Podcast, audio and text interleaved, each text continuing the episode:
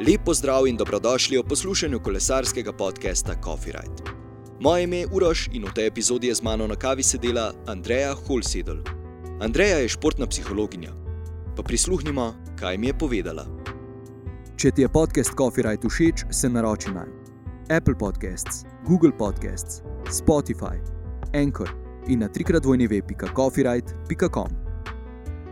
Ok, takole. Danes v moji družbi Andreja Holsedel, lepo pozdravljena. Živim. Povej mi, kdo si, kaj počneš, kako bi sama sebe predstavljala, s čim se ukvarjaš? Jaz sem športna psihologinja. Delam v timu štirih športnih psihologov, ki se ukvarjamo s psihološko pripravo športnikov v Sloveniji in tudi v tujini. Drugače je v Sloveniji 14 športnih psihologov in v bistvu naša glavna naloga je, da smo podpora športnikom pri doseganju njihovih potencijalov, pri, njiho, pri izboljševanju dosežkov na ta način, da jim pomagamo pri tem, da čim boljše poskrbijo za svojo psihološko pripravo. Zdaj, poleg tega, da sem športni psiholog, sem še marsikaj drugega, ne samo to, sem tudi bivša cestna kolesarka. Žal, malo časa preživim na kolesu, zdaj v tem času. Uh, ampak vseeno še pač rada sedem na kolo, v tem uživam. Sem tudi učiteljica smutanja, zelo uživam pri poučevanju otrok. Vsako zimo si vzamem čas. Skratka, uživam v bistvu v vsaki obliki gibanja, v vsakem športu, karkoli to že je. Navdušuje me pravzaprav vse, kar je povezano s športom, zdravjem, skrbjo za mentalno in fizično zdravje. Vidim, da piješ kavo. Kakšno piješ najraje, no? katera ti najbolj všeč? Ja, če pijem kavo zunaj, je tako kot vidiš to kapučino, nič drugega ne pijem zunaj. Um, posebej se razveselim, če je postrežena lepo s kakim okraskom ali če je postrežena z nasmehom. Drugače pa doma pijem ponavadi čisto navaden bar kafe, brez vsega, brez sladkorja, brez mleka. Uh, je pa res, da ne morem reči, da sem jih odvisnica od kave. Čeprav prihajam iz kolesarstva, spijem eno kavo na dan, mogoče še to ne sploh zdaj v zimskem času, jo raje nadomestim s čajem. Ok. Evo, pa greva kar na tvoje začetke, torej nekako ozadje vsega skupaj. Kakšni so v bistvu tvoji začetki oziroma spoznavanje s kolesarstvom? Kako si sploh prišla do tega športa?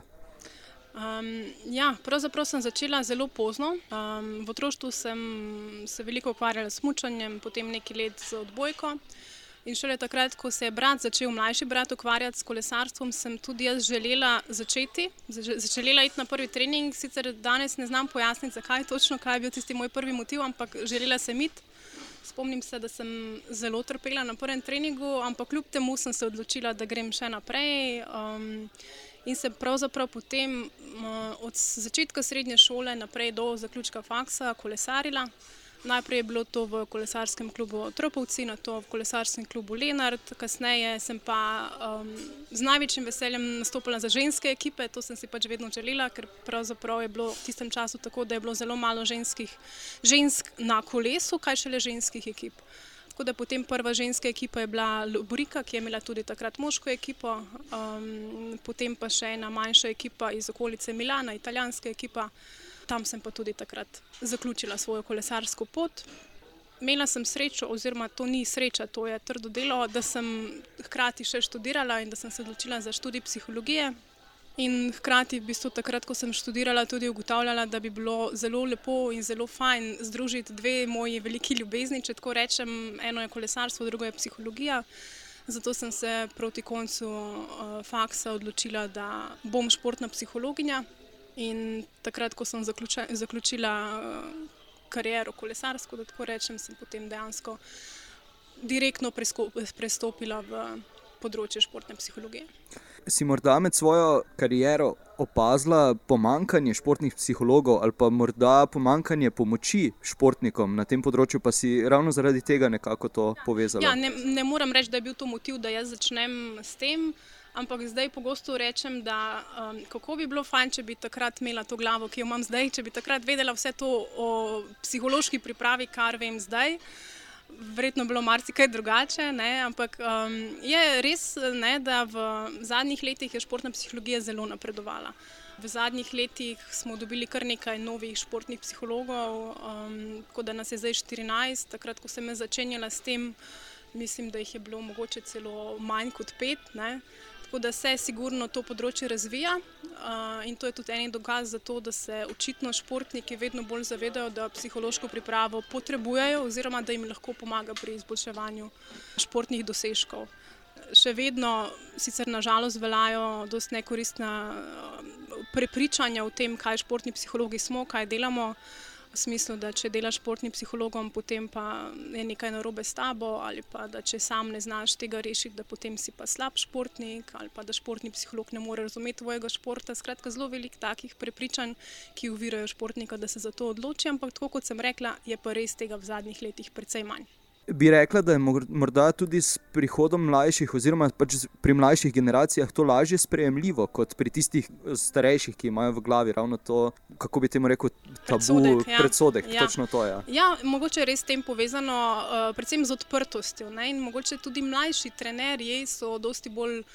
Odprti za druge načine treningov ali pa druga sorodna področja, ki jim lahko dopolnijo njihov trening, kot so mogoče bili kdaj v preteklosti. Sama si že to omenila, ampak vseeno po tvoje, kako zelo pomembno je, da imaš kot športnik psihologa, na kakšnih področjih vse ti lahko pomaga, oziroma recimo en tak plastičen oris eh, poteka dela ali kakorkoli. Ja, zdaj ne bi čisto direktno rekla, da vsak športnik rabi športnega psihologa, to bi bilo pretirano. Bi pa rekla, da vsak športnik mora biti dobro psihološko pripravljen, če želi posegati po dobrih rezultatih. To pa sigurno. Zdaj, ali za to psihološko pripravo skrbi sam, ali mu tu pomaga trener ali športni psiholog. Uh, ne, da je ne pomembno, ampak jaz verjamem, da če sodeluješ s strokovnjakom na določenem področju, ki to področje obvlada, ga razume in ti zna pomagati, da boš potem boljši na tem področju. Uh, čisto enostavno, če uslikam, zakaj pa potrebujemo trenerja za kondicijsko pripravo, za tehnično pripravo, za taktično, mogoče v kolesarstvu iz crnitko. Ampak vseeno imamo trenerje, ki nas pripravljajo, zakaj bi potem za glavo poskrbeli čisto sami. To se meni zdi zelo, zelo težko. Sploh za mladega športnika, ki ima tu še veliko drugih. Razvojnih nalog, ki jih mora v mladostništvu rešiti, in še šolo. In zelo težko je pravzaprav sam sebe tako dobro pripraviti, da bi bil konstantno dober. Za kakšno tekmo že, ampak konstantno pa težko. Še eno podprašanje je bilo, kako v bistvu izgleda potem ta način dela uh, s športnim psihologom. Ne? Zgleda čisto enostavno tako, da se dobimo, da se spoznamo, da se pogovorimo, da predstavimo mi svoje delo, da predstavi športnik tisto, kaj bi on rad spremenil, oziroma kje ima težave, kje ima rezerve, kaj mora izboljšati, za, za to, da bo bolj zadovoljen, za to, da bo bolj uspešen. In potem gremo pravzaprav te stvari ugotavljati, kaj je narobe. Naprimer, bom dala primer, um, najbolj pogost, če tako rečem, to je trema pred tekmovanji ugotavljamo, zakaj do treme pride, kaj so vzroki, kaj športnik takrat razmišlja, kako se počuti, um, kje ima pozornost, kaj se vse v njem v bistvu dogaja, kaj se spremeni in kako potem to vpliva na njegovo uh, tekmovanje, na njegov nastop. Ko to ugotovimo, mu lahko razložimo, zakaj se te stvari pojavljajo in ko on to razume, potem gremo na naslednjo stopnjo in to je reševanje. Kaj pomeni reševanje? Reševanje je v bistvu ali uporaba različnih tehnik psihološke priprave, ki mu pomagajo zavestno kontrolirati njegovo psihološko dogajanje, kot je naprimer postavljanje ciljev, kontrola misli, eh, tehnike sproščanja, vizualizacija. Predvsem pa delamo na spreminjanju stresnega mišljenja. To pomeni po domače povedano, da moramo ugotoviti, kaj je tisto, kar se plete športniku po glavi pred tekmovanjem in ga spravlja v stres to so lahko misli, kaj pa če mi ne bo uspelo, kaj bodo drugi rekli, izpadel bom, da sem slab, uh, trening bo brez veze. Skratka, te misli je potem treba spremeniti, da o teh on potem ne razmišlja ali pa da, da zna svoje misli preusmeriti nekam drugam. In če se zdaj morda malce odmakneva od profesionalnih športnikov in greva na amaterske športnike ali pa na rekreativne, kakorkoli večina njih posluša ravno te epizode. Uh, Kako pa bi njim svetovala, bi morda tudi oni v določenih trenutkih potrebovali psihologa, zgolj da jih, da jih morda tudi v zasebnem življenju, da jim pomaga, pa morda nekako premosti te stvari. Večkrat smo že rekli v epizodah, da včasih kdo beži od stresa, pa si z, z kolesarjenjem ali katerim koli drugim športom na vse zadnje. Povzroča še dodaten stres, za kar v glavi misli, da ga bo ravno osvobodilo tega. No? To si lepo povedal. Ja. Zdaj, definicija rekreativnega športa bi morala biti, seveda, da je to šport za rekreacijo, za užitek, za to, da izpolni tvojo potrebo po sproščanju, po gibanju in tako naprej. Skratka, ta definicija ne vključuje tekmovanja, ne vključuje rezultata. Oba veva, da to ni čisto tako. Ne? In da si večina, ali ne bom rekla, večina se upravičuje, ampak veliko rekreativnih športnikov slej ko prej naloži neko breme rezultata. Um, mogoče niti ne nujno rezultata uvrstitve na tekmi, ampak um, zdaj trenutno obstaja ogromno aplikacij in merilcev, ne vem česa vse, s čimer lahko zmeriš prav vse in to so rezultatski cilji. In te rezultatski cilji bodo preko slej pripeljali do nekega pritiska, da jih je pa treba doseči, oziroma nezadovoljstva, če ne bojo doseženi. In to v rekreativnem športu pravzaprav ne bi smelo imeti mesta, ker kot si prej povedal, re rekreacija bi pravzaprav morala biti od odmik od stresnega vsakdana, od službe in tako naprej. Se pravi, nekaj, kar me um, izpopolnjuje, ne pa nekaj, kar me pač dodatno prazni, če se tako metaforično izrazim. Zato uporaba športne psihologije za rekreativne športnike, načeloma v um, luči tega, da izpopolnjuje svoje dosežke, ni potrebna. Ni, ni smiselno, da to delamo, ker potem poglabljamo problem, ki ga športnik ima.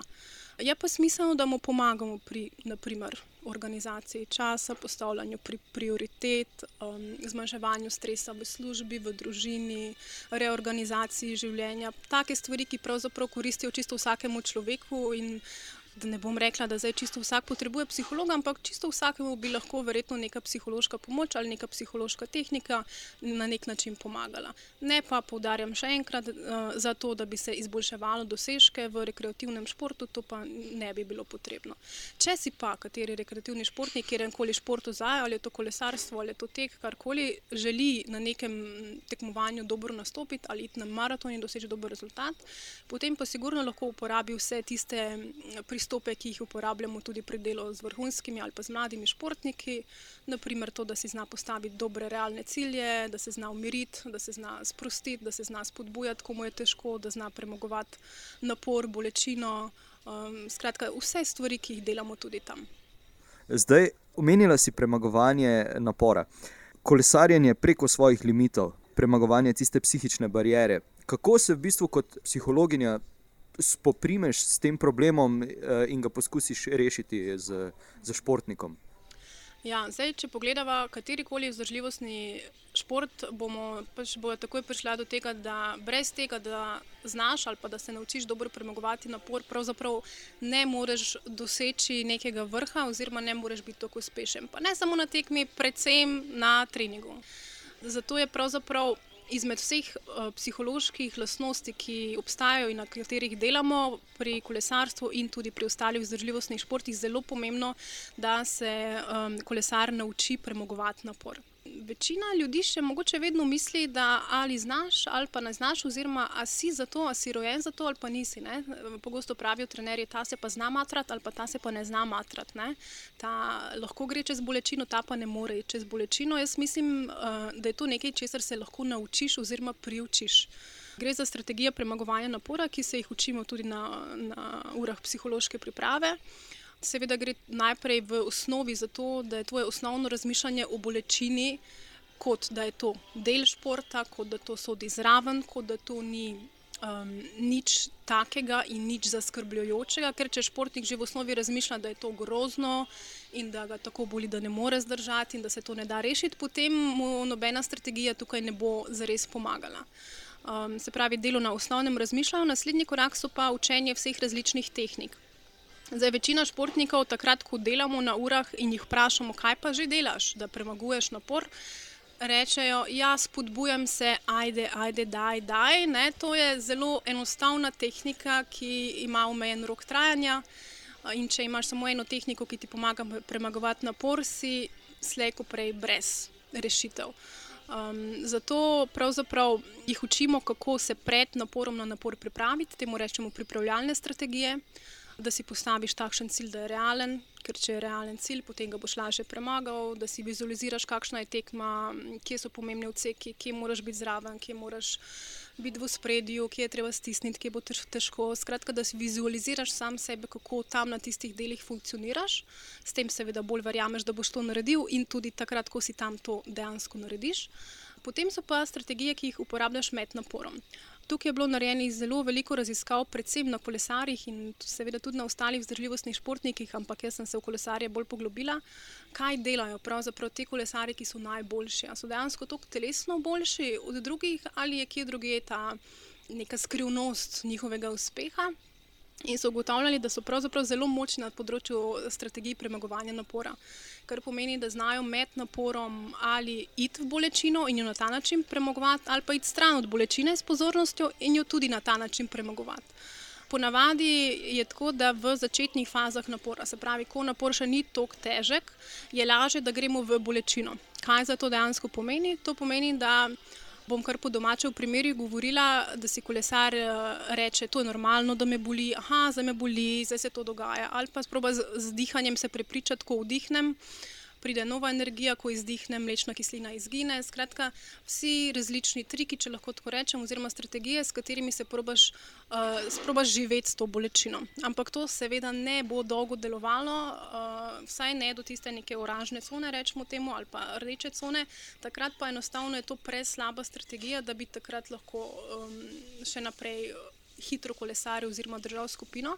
Takrat pa športniki uporabljajo disociativne strategije. Ono prej so asociativne, se pravi, grem v bolečino, to so pa disociativne, to pa pomeni, da svojo pozornostjo grem stran. Naprimer, samo do naslednjega znaka, samo do naslednje črte, ali pa štejem črte, ali pa samo držim kolo tistega pred mano. Skratka, koncentriram se na neki zunaj sebe, da bi na nek način pozabil na to bolečino, ki jo, ki jo imam. Zdaj, katera je boljša, slabša, ne moramo tako reči, ampak jaz bi rekla v začetnih fazah najbolj ta, da greš v bolečino, da živiš z njo, da si rečeš, da je to normalno, potem pa vedno bolj disociativne strategije, da greš ven iz te bolečine, da nisi preveč um, koncentriran na to, kako te boli in kako ne moreš. Mogoče je tu pomembno še omeniti uh, športne strategije, sami kolesarji vedo, ali pa tudi drugi izdržljivostni športniki, da če se ti voziš na vetru, da potem te bo verjetno hitreje pobralo in boš občutil večji napor kot takrat, ko si v zavetri. Zato tudi rečemo, da je športna strategija, da pravilno razporediš svoje moči, da tehnično pravilno izvajaš, da ti to pomaga pri premagovanju napora. Ne, lahko športnik uporablja ne vem, kak samo govori, ne vem, kakšne cilje, ne vem, kaj vse so prej govorila, ampak če se on vozi tam uh, tri metre stran od ostalih, seveda pač to ne, ne bo šlo. No, mogoče da še to dodam. Fan pa je, da vsak športnik najde zase pomembne stvari, oziroma zase stvari, ki mu pomagajo, ker ni recepta. Ni recepta, da bi rekli, ah, kolesar si pa mora te stvari govoriti ali pa mora tako premagovati napor, tako kot en drug, ki pa je vrhunski. Ne, ne bo šlo. Vsak mora najti nekaj zase, kar mu pač najbolj pomaga pri tem. In to bo mogoče en dan delovalo, drug dan ne bo delovalo, zato je fajn, da ima tako 50 različnih stvari in, oziroma strategij in jih lahko uporabi v bistvu kadarkoli, ne pa da ima samo eno, tako kot se na začetku rekla, ah, da je se bo šlo. Ne? Ta je enostavno premalo. Bi lahko v bistvu ta primer aplicirala tudi na, na v bistvu vsakega posameznika, ki se recimo spravi na en klanec slovenski, pa morda z temi eh, stvarmi ja, samega seveda. sebe uh, spodbudi. Da ni spet samo tistega, ajde, ajde gremo. Ja, ja, sigurno. Pravzaprav za vsako dejavnost, ki nam je težka, lahko tako rečemo. To je lahko za učenje, da se treba vse zraven za knjigo in se učiti. Pravzaprav povsod, kjer je težko. Ne? Zdaj pri kolesarstvu je težava ta, pa tudi pri drugih športih, ki so težki, da gre za dejansko bolečino um, v mišicah. In um, mi nismo narejeni tako, da se bomo pritiskali preko meja svojih zmožnosti, če pač to ni potrebno. Kar pomeni, da nam bo po domače uh, psiha začela slejko prej govoriti, da zdaj pa tega več ne moreš. Psihološki limit je vedno pred telesnim limitom, vedno. Kar pomeni, da takrat, ko športnik pomisli, zdaj pa več ne morem, da je takrat še precej časa do takrat, ko pa telo dejansko več ne more. Primer, recimo, da, da rečemo, da imamo um, kolesarja, ki se pripravlja na nek spon in zdaj se približuje on temu sponu. Pomembno je, da na poti do tja ne razmišlja že 20 km o tem, kako težek je ta klanec in kako mu ne bo šlo, ampak da se pripravlja na klanec. Um, smislu, vem, ki je, vem, kakšen je um, ta klanec, poznam ga. Začel bom mirno, začel bom na takih obratih, približno ali pa na takem počutju, na takem pulzu, odvisno kaj, kaj spremlja. Potem pa, če bom lahko, bom počasi dodajal. Skratka, neko umirjeno mišljenje, predvsem pa realni cilji. To je podlaga. Potem, ko pa začne kolesariti, pa bo uporabljal naprimer na začetku strategije, kot so koncentriram se na polno obrat in samo na to mislim ko bo postajal napor vedno večji, se bo koncentriral naprimer še na to, da začne malo šteti črte na cesti, da se s tem malo zamoti. Potem lahko se zamoti tudi s tem, da se koncentrira malo na to, da je sproščen, da v obrazu ne dela nobenih gribas, s katerimi trati dodatno energijo, ampak da se prvo popolnoma sprostiti v ramenskem obroču, v obrazu, da si govori, da mu gre v redu, um, da je zdaj pa zdaj še malo manjka mu, da pride noter v ritem. Skratka, da se vedno proba na nek način spodbujati oziroma umirjati tiste misli, ki mu govorijo, o, zdaj sem pa tam, zdaj pa več ne moreš, aha, zdaj te je pa zabilo ali pa zdaj te bo zabilo. Skratka, da proba to čim bolj umirjati. Če se pa odloči, da na koncu recimo še malo bolj stisne, potem pa vse tiste strategije, ki so jih prej malo menjala, se pravi, samo še do tega drevesa in potem samo še do tega drevesa. Ali pa predstavljaj si, da je nekdo pred tabo in ga hočeš ujeti. Ali pa predstavljaj si, da si na dirki in da vlečeš nekoga, ki ti je ful pomemben, ko ga imaš ful rad svoje ekipe in ti ga boš zdaj pripeljal do zmage. Skratka, karkoli, kar nam pol v mislih pomaga, da lahko lažje premagamo ta napor. Vse to, kar smo omenili, je super, torej premagovanje psihičnih barijer, pa vsega, ampak potem pa se recimo pred uh, samo dirko zgodi neka čisto X stvar, ki nima ne vpliva na mišice, ne vpliva na vse ostalo. Kako še potem v bistvu to izničimo? Najprej prva stvar, zunanji dejavniki. Um, Rekel si zunanje dejavniki, naprimer stres. Stres je notranji dejavnik, oziroma stres je notranji odziv telesa na stresorje. Ne? Pogosto vprašamo svoje športnike, ali je tekma stres. In seveda vsi v en glas rečejo, da ja, seveda je tekma stres. Ne, tekma ni stres, tekma je stresor oziroma potencijalni stresor. Ne, ker če opazujemo vso skupino kolesarjev, ki je na štartu, eni bodo v stresu. Eni pa ne bodo v stresu, torej tekma ni stres, tekma je potencijalni stresor in pri nekaterih bo izvala stresni odziv, pri drugih pa ne. Uh, se pravi, to je čisto notranji dejavnik, ki se pa seveda lahko zgodi zaradi zunanjih vplivov. Zunanji vplivi so lahko vem, vreme, konkurenca, pričakovanja drugih, skratka vse tisto, kar ima izvor zunaj športnika, ampak vpliva na njegovo psiho. Pravzaprav na psiho lahko rečemo, da vplivajo. Lahko vplivajo čisto vse stvari, ki se dogajajo okrog športnika. To je lahko trener, to so lahko sotekmovalci, starši, tekma sama po sebi, to, kar se od njega pričakuje, šola, vreme, veter, dež, eh, karkoli že. Ne? Pomembno je, kako se športnik oziroma kolesar s tem sooča, kako na te stvari gleda. Če bo to dojel kot stres, kot nekaj, kar ne zna rešiti, če bo potenciral nevarnost in hkrati podcenjeval sebe in svoje sposobnosti, da to lahko reši, potem bomo seveda tu imeli velik stres. Ne? Če bo pa presodil, da, um, da zmore, da zna, da se lahko s tem sooča, potem bo stresni odziv seveda manjši. Verjetno te zanima, kaj se ponavadi zgodi. Ponavadi se zgodi to, kar je slabše, in to je to, da um, večina mladih športnikov ali pa mladih kolesarjev precenjuje um, nevarnost oziroma um, težavnost tekme in konkurence kar pomeni, da podcenjujejo sebe in svoje sposobnosti, zato so seveda bolj v stresu, če tako po domače rečemo, in če so bolj pod, pod stresom. Potem začnejo negativno razmišljati, nekoristno razmišljati, razmišljati o rezultatu, razmišljati o negativnih posledicah, ki se lahko zgodijo, razmišljati o sebi, kot da niso dovolj dobri, o tem, kaj bodo drugi mislili, kaj bo trener rekel, kaj bo potem mogoče z reprezentanco, bolj ne bo, kaj bo z uvrstitvijo. Skratka, tako kot ena snežna kepa, ki se kotali po, eh, po klancu navzdol, tudi oni začnejo vedno bolj razmišljati, kaj se lahko zgodi.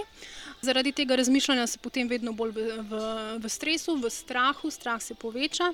Telesne spremembe se zgodijo v strahu, kar je seveda normalno, telo se zakrči, mišice se zakrčijo, puls se poveča, pozornost se preusmeri na mesto, na to, kaj bom jaz na tekmi počel, se preusmeri na to, česa ne smem narediti, kaj bojo drugi rekli, v bistvu na vse te misli. In zdaj, kaj se zgodi eh, z nastopom, če vse to se dogaja v glavi in v telesu, pa seveda vemo, da ne more biti situacija taka, kot je na treningu. Ne?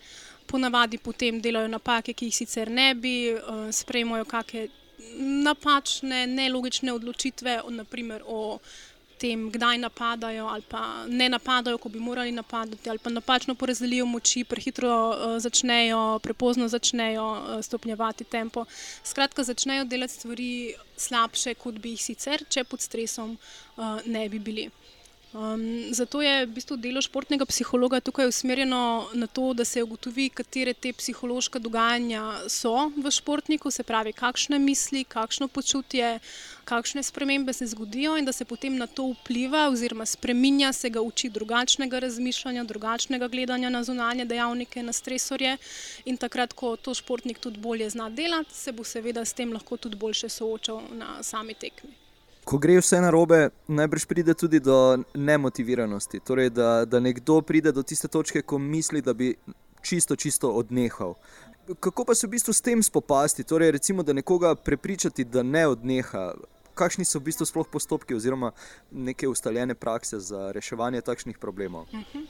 Ja, motivacija. Zdaj, če bi šla na ulico in bi vprašali na ključnega mimojodočega, kaj pa misli, da športni psiholog dela, bi zagotovo sem prepričana, da večina rekla, športni psiholog pa motivira. Ne? To je naša edina naloga, še zdaleč to ni res. Motivacija je pač ena izmed lastnosti, na kateri tudi lahko delamo. In pravzaprav, po mojih izkušnjah, uh, lastnost, na kateri delamo malo, oziroma precej manj kot pa na drugih, kot so samo zaupanje, koncentracija, kontrola čustev. Zakaj? Zato, ker je večina športnikov, ki delajo z nami, motiviranih. Zdaj ne govorimo o nihanjih motivacije, ki so normalna, tako kot si omenil, ja, takrat, ko ne gre. Ko ne dosežeš rezultata, ki ga želiš, ko si poškodovan, ko vem, imajo dijaki v šolah veliko in se potem ne morejo skoncentrirati in zbrati. Skratka, takrat, ko so drugi dejavniki, potem lahko motivacija zaniha, kar je normalno, čisto človeško in se dogaja tudi vrhunskim športnikom, ne samo mladim. In v tistih primerih delamo tudi na motivaciji. Zdaj, mogoče, da te malo popravim, kako jih motivirati, da, da delajo zares, oziroma da trenirajo nazaj. Treba je najprej ugotoviti, kaj je problem. Ne? Zdaj, nekoga motivirati, da trenira, hkrati pa on pravzaprav tega ne želi, ker ima druge cilje, ker si želi biti dober v šoli, potem to ne bi bila prava rešitev z naše strani ali pa strani trenerja. Najprej treba ugotoviti, kaj se pravzaprav dogaja. Mogoče je ta športnik preveč zunanje motiviran in zdaj, ker seveda ni bil tako uspešen, ni, bil, ni dobil toliko nagrad, toliko nekih zunanjih potrditev in zato je motivacija padla. Se pravi, v tem primeru bi bilo bolje, oziroma bi bila. Ena izmed najpomembnejših rešitev je, da se dela naprej na notranji motivaciji, da se čim bolj razvija notranja motivacija. To pomeni, da trenira zaradi sebe, zaradi tega, ker ima to rad, ker v tem uživa, ker se v tem vidi zaradi sebe, torej ne zaradi drugih. Potem, poleg te notranje, je smiselno tudi ugotoviti, kaj ga demotivira. Ne? Vedno, ko govorimo o motivaciji, imamo dva pola. Nekaj stvari nas motivirajo, druge nas demotivirajo. Naprimer, motivira ga to, da ima v redu trenerja in da ima no, novo kolo, recimo, ampak demotivira ga pa to, da je neuspešen. Ne? Se pravi, kljub temu, da ga nekaj stvari motivirajo, je možnost, da bo nehal zaradi tega, ker ima slabše rezultate. In tukaj je treba iti potem v to. Um, spremembo oziroma rekonstrukcijo razmišljanja, ah, jaz pa nimam rezultatov, jaz, zakaj bi jih pa moral imeti, ali pa zakaj pa misliš, da boš vedno imel rezultate. Ali ni nekaj normalnega, ko prehajaš iz mlajših v starejše kategorije, da rezultatov ni. Ne? Se pravi, tukaj večinoma pride do paca motivacije, ravno zato, ker se mladi še vedno, nažalost, motivirajo z rezultati, ki jih v starejših kategorijah žal ni. Ali pa ni še, da se malo popravim, in je treba nekaj časa trenirati na neko drugo gorivo, ne na zunanjo motivacijo, ampak na notranjo motivacijo. Postopki motiviranja, kako bi jim rekli, um, načeloma prva osnova je razjasniti, kaj si jaz želim, zakaj jaz treniram, zakaj ne bi treniral. In dokler je več plusov kot minusov, bo verjetno športnik še vedno ostal v športu. Na začetku najnega pogovora si omenila, da ni nujno, da vsak športnik potrebuje eh, psihologa. Ampak vseeno, gre za nek celovit pristop, kjer je potrebna, potrebno sodelovanje tako trenerja, kot bolj kot ne, morda tudi družine samega športnika. Koliko časa v bistvu približno traja, recimo, da se nekako zapelje celotna zgodba skupaj, da ti kot psihologinja ugotoviš, kje je problem. Pa potem reševanje. Je to zelo, zelo dolgotrajen proces, ali se dajo nekatere stvari zelo hitro rešiti? Ja, odvisno od tematike oziroma od problema, na katerem delamo. Ne. Nekateri športniki se odločijo za delo športnim psihologom samo zaradi ene izolirane problematike, naprimer samo trema na štartu. Ne, to, ali pa samo kako se začeti učiti, ker imam v šoli težave v športu, mi pa gre. Skratka, samo ena izolirana problematika in takrat, ko jo rešimo, to je ponavadi težko rečem, ponavadi je v povprečju v nekaj urah, takrat se večinoma odločijo za drugo temo in sodelovanje nadaljujemo. Nekateri pa zaključijo. To pomeni, da je to neke vrste kratkoročno sodelovanje, tisti, ki pa želijo delati uh, celo sezono ali pa več sezon, pa pravzaprav delajo dolgoročno, kar pomeni, da um, v sklopu tega dela obravnavamo pravzaprav čisto vse, kar športnik rabi. To je lahko šport, to je lahko družina, to je lahko šola, to je lahko trener, oprema, odločanje o kariernih spremembah soočanje s poškodbami, skrat, vem, nastop na, uh, nastopi pred kamerami, to jim dela tudi težave. Skratka, čisto vse, kar pravzaprav se športniku pojavi in ki potrebuje podporo. Večinoma se športniki odločijo za nadaljevanje. In iskanje vedno nekih novejših, oziroma novih tem, tudi zato, ker seveda napredujejo. In ko napreduješ, to pomeni, da um, ni da je manj problemov, ampak so drugi problemi. Če po domače povem, pojavljajo se pravzaprav čisto nove stvari, ki jih športnik um, enostavno ne zna še rešiti, ker še ni bil v taki situaciji uh, in zato seveda še naprej sodeluje s športnim psihologom. Prej si omenil sodelovanje tudi z drugimi, ja, nam se to zdi precej pomembno. Zdaj, načini sodelovanja s trenerjem so lahko različni. Od tega, da je to nič, kar pomeni, da trener sploh ne ve, da športnik z nami sodeluje, ker si športnik tega ne želi do naslednje stopnje, kjer um, sodelujemo s trenerjem samo tako, da mu povemo, da športnik hodi k nam, mi smo um, ta pa ta, delamo na ta način.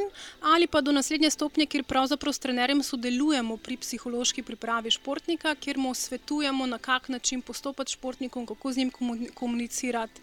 Um, seveda tukaj strogo veljajo pravila močečnosti, kar pomeni, da vse, kar se mi športnikom pogovarjamo, tudi ostane med nami in športnikom uh, zaradi zaupanja.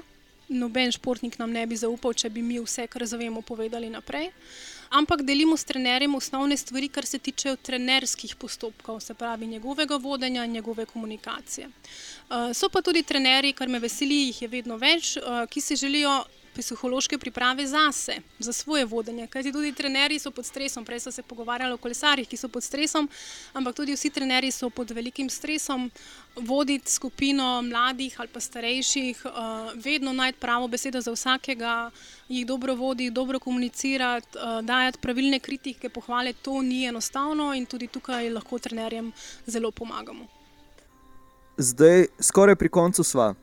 Verjamem, da jih je bilo v tvoji karieri, eh, pa še zdaj kar nekaj. Je kakšen takšen ride, ki ti je ostal zelo, zelo v spominu, takšen ultimativni, da si se odpeljala po trasi, sedla na kavici, rekla, tega ne bom pozabila in bi sedaj, seveda, to traso delila z nami?